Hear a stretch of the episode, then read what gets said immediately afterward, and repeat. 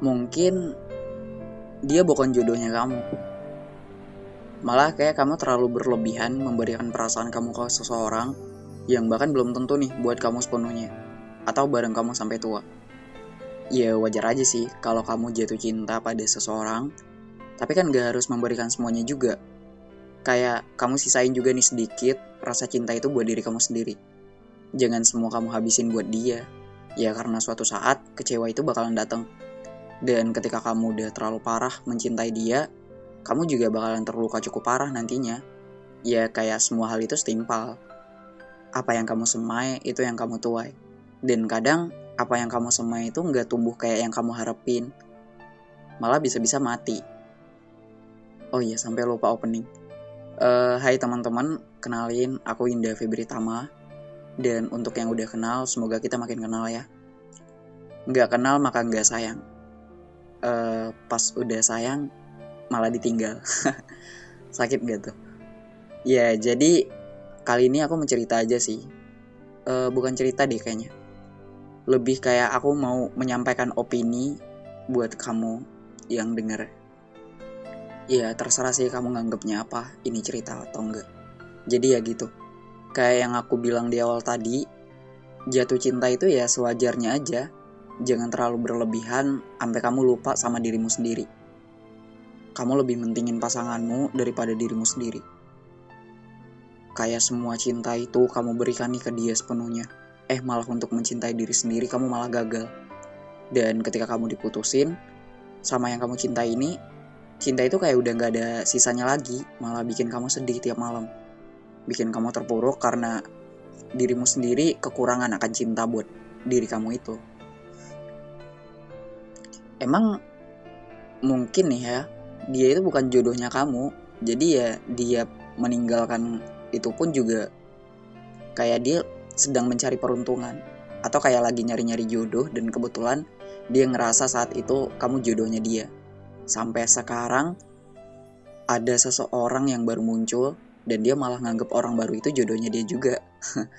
Ironi gak sih? Dan ternyata bukan kamu yang sebenarnya. Pada akhirnya dia mutusin kamu. Dan bodohnya kamu gak sadar nih karena kamu udah berikan cinta kamu ke dia dengan utuh. Sedangkan kamu sendiri orangnya orang yang rapuh dan kamu jatuh dalam kesedihan karena perpisahan itu. Terus kamu bingung nih, gimana caranya move on dari dia? Terus nanya-nanya tips kok banyak orang, gimana caranya buat move on cepat? Sebenarnya untuk move on pun kalau aku rasa sih nggak ada tipsnya, tapi lebih ke niatnya kamu aja. Kalau kamu udah sadar kalau dia bukan jodohnya kamu ya udah biarin aja biar dia menemukan jodohnya sendiri dan kamu lanjut aja sama hidupmu. Kamu juga bakalan ketemu sama jodoh kamu yang udah ditakdirkan untuk bareng-bareng sama kamu. Sebenarnya aku juga agak bingung sih kayak apa sih definisi jodoh itu sebenarnya? Gimana kita bisa tahu dia jodoh kita atau enggak? Ya kamu pasti bingung juga kan? Ya sama sih, aku juga. Tapi menurut pandanganku, jodoh itu kayak seseorang yang hampir sama kayak kita Pasti deh kamu pernah dengar kutipan, jodohmu adalah cerminan dirimu. Jadi ya kalau kamu terlalu baik, kamu bakalan ketemu sama orang yang baik juga. Atau kadang ada juga uh, kita tuh baik, tapi menemukan seseorang yang gak baik.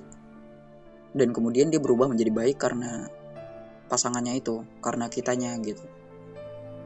Eh, itu bisa dibilang cerminan diri juga gak sih? ya intinya kayak gitu deh. Jangan terlalu mencintai seseorang sampai kamu memberikan sepenuhnya gitu.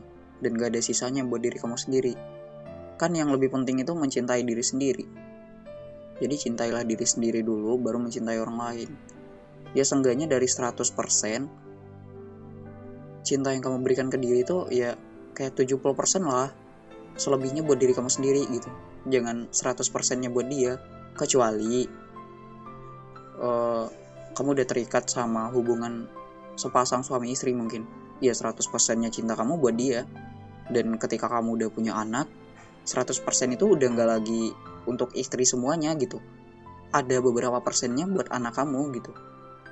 Dan aku juga nggak bilang 100% itu bisa dibagi untuk dua orang itu aja orang tua kamu juga kebagian dari cinta dari 100% itu.